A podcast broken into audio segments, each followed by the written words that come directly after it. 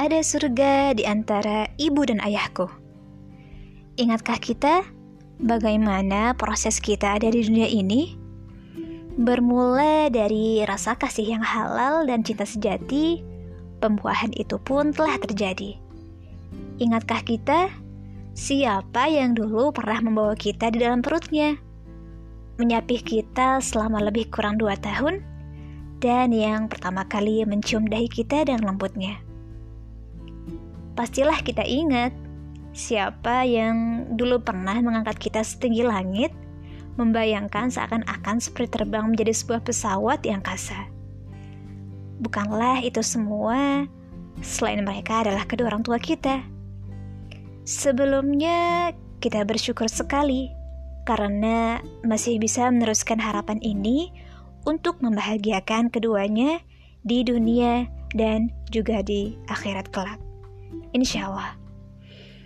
Bagi teman-teman yang pernah merasakan kehilangan mereka, mari kita doakan sama-sama dengan membaca Al-Fatihah. Semoga kelak mereka rahimahullah dan rahimahallah diterangkan kubur dan diluaskan karena doa-doa yang dipanjatkan oleh anak-anaknya yang salih. Al-Fatihah.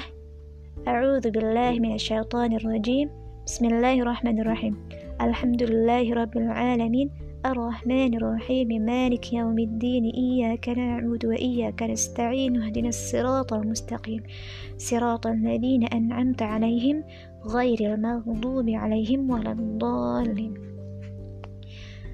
Baiklah, setelah kita bersyukur atas kehadiran kedua orang tua kita di sisi ini, rasa-rasanya rasa syukur itu belumlah lengkap jika belum dibarengi dengan rasa bakti kita kepada mereka.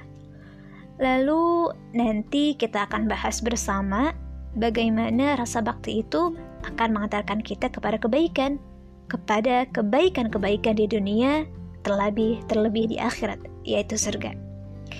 Siapa sih yang tidak ingin masuk surga? Menjadi penduduk tetap di sana, bertemu dengan sanak saudara ketika kita di dunia, menikmati segala macam kenikmatan yang Allah berikan. Al-Quran telah jelas sekali memberikan sedikit gambaran mengenai surga. Seperti dalam Quran Surah Muhammad ayat 15, Allah SWT berfirman, أعوذ بالله من الشيطان الرجيم. بسم الله الرحمن الرحيم. مثل الجنة التي وعد المتقون فيها أنهار من ماء غير آس وأنهار من لبن لم يتغير طعمه وأنهار من خمر لذة للشاربين وأنهار من عسل مصفى. ولهم فيها من كل الثمرات ومغفرة من ربهم. الآية. Perumpamaan taman surga yang dijanjikan kepada orang-orang yang bertakwa. Di sana ada sungai-sungai yang airnya jernih dan sungai-sungai yang air yang sungai-sungai air yang tidak berubah rasanya dan sungai-sungai khamar atau anggur yang tidak memabukkan yang lezat rasanya bagi peminumnya dan sungai-sungai madu yang murni. Di dalamnya mereka memperoleh segala macam buah-buahan dan ampunan dari Tuhan mereka. Ada juga perhiasan yang diberikan kepada penghuni surga terdiri atas emas, mutiara, serta pakaian yang terbuat dari sutra seperti yang ada dalam Quran Surah Fatir ayat 33 baik sutra yang halus tipis maupun yang tebal seperti yang ada dalam Quran Surat Ad-Dukhan ayat 53 sedangkan makanan dan minuman mereka terdiri atas berbagai macam jenis. Terserah apa saja yang mereka inginkan semuanya tersedia seperti yang ada dalam Quran Surah Az-Zukhruf ayat 71. Masya Allah, sungguh ingin membayangkan diri ini sampai di sana. Ini bahkan hanya sebagian saja Allah gambarkan suasana penghuni surga di sana. Tentu, satu hal yang paling nikmat ingin dirasakan adalah bisa bertemu dengannya, dengan Rabbul Alamin. Kemudian, bertemu dengan Rasulullah Muhammad SAW di sana. Ya Rabb, masukkanlah kami ke dalam jannahmu. Amin. Dan tentu dari ayat di atas, kita jadi semakin penasaran. Kira-kira amalan apa yang dapat mengantarkan kita menuju kenikmatan-kenikmatan tersebut? Yap, betul sekali. Berbakti dan berbuat baik kepada kedua orang tua kita. yang masih hidup maupun yang telah tiada. Dengan tips-tips yang akan Ana sharing pada segmen berikutnya insya Allah. Di samping memang bagaimana kedua orang tua kita dengan apa adanya mereka, sifat mereka, karakternya, bawaannya, pengetahuan agamanya, bagaimanapun cara mereka menghidupi kita. Indahnya Islam tidak membedakan antara bagaimana orang tua mengasuh anak-anaknya. Al-Quran tetap saja menganjurkan kita untuk berbakti dan berbuat baik kepada kedua orang tua kita. Seperti yang ada dalam Quran surah Al-Isra ayat 23 Allah Subhanahu wa taala Allah Subhanahu wa taala berfirman A'udzu billahi minasyaitonir rajim Bismillahirrahmanirrahim وقضى ربك ألا تعبدوه إلا إياه وبالوالدين إحسانا إما يبلغن عندك الكبر أحدهما أو كلاهما فلا تقل لهما أف ولا تنهرهما وقل لهما قولا كريما Artinya, dan Tuhanmu telah memerintahkan agar kamu jangan menyembah selain dia, dan hendaklah berbuat baik kepada ibu bapak.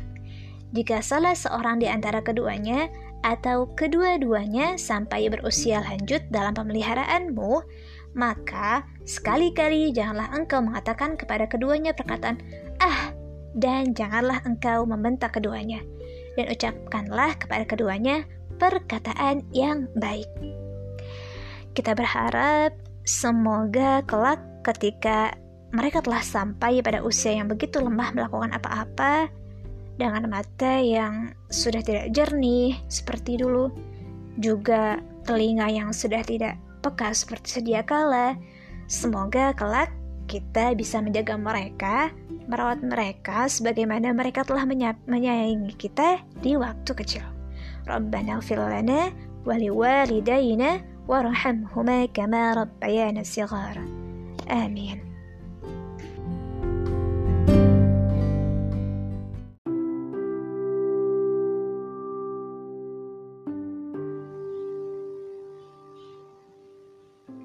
Telah jelas bahwa Allah Subhanahu wa taala menempatkan bagi kita untuk berbakti dan berbuat baik kepada kedua orang tua setelah perintah untuk menyembah Allah Subhanahu wa taala. Sampai-sampai Rasulullah SAW pernah bersabda yang artinya, celaka seseorang itu, celaka seseorang itu, celaka seseorang itu. Diulang tiga kali. Sahabat bertanya, siapa yang celaka wahai Rasulullah? Rasulullah menjawab, orang yang mendapati salah satu orang tuanya atau dua-duanya dalam keadaan tua, kemudian anak tersebut tidak masuk surga. Hadis riwayat Muslim nomor 2551. Imam Nawawi mengatakan, hadis ini memotivasi seseorang untuk melakukan birrul walidain, yaitu bakti kepada orang tua, dan menjelaskan besarnya pahalanya. Maksudnya, berbakti kepada orang tua ketika mereka sudah sepuh dan ditelan usia, dengan melayani mereka atau memberikan nafkah dan sebagainya merupakan penyebab masuknya seseorang ke dalam surga.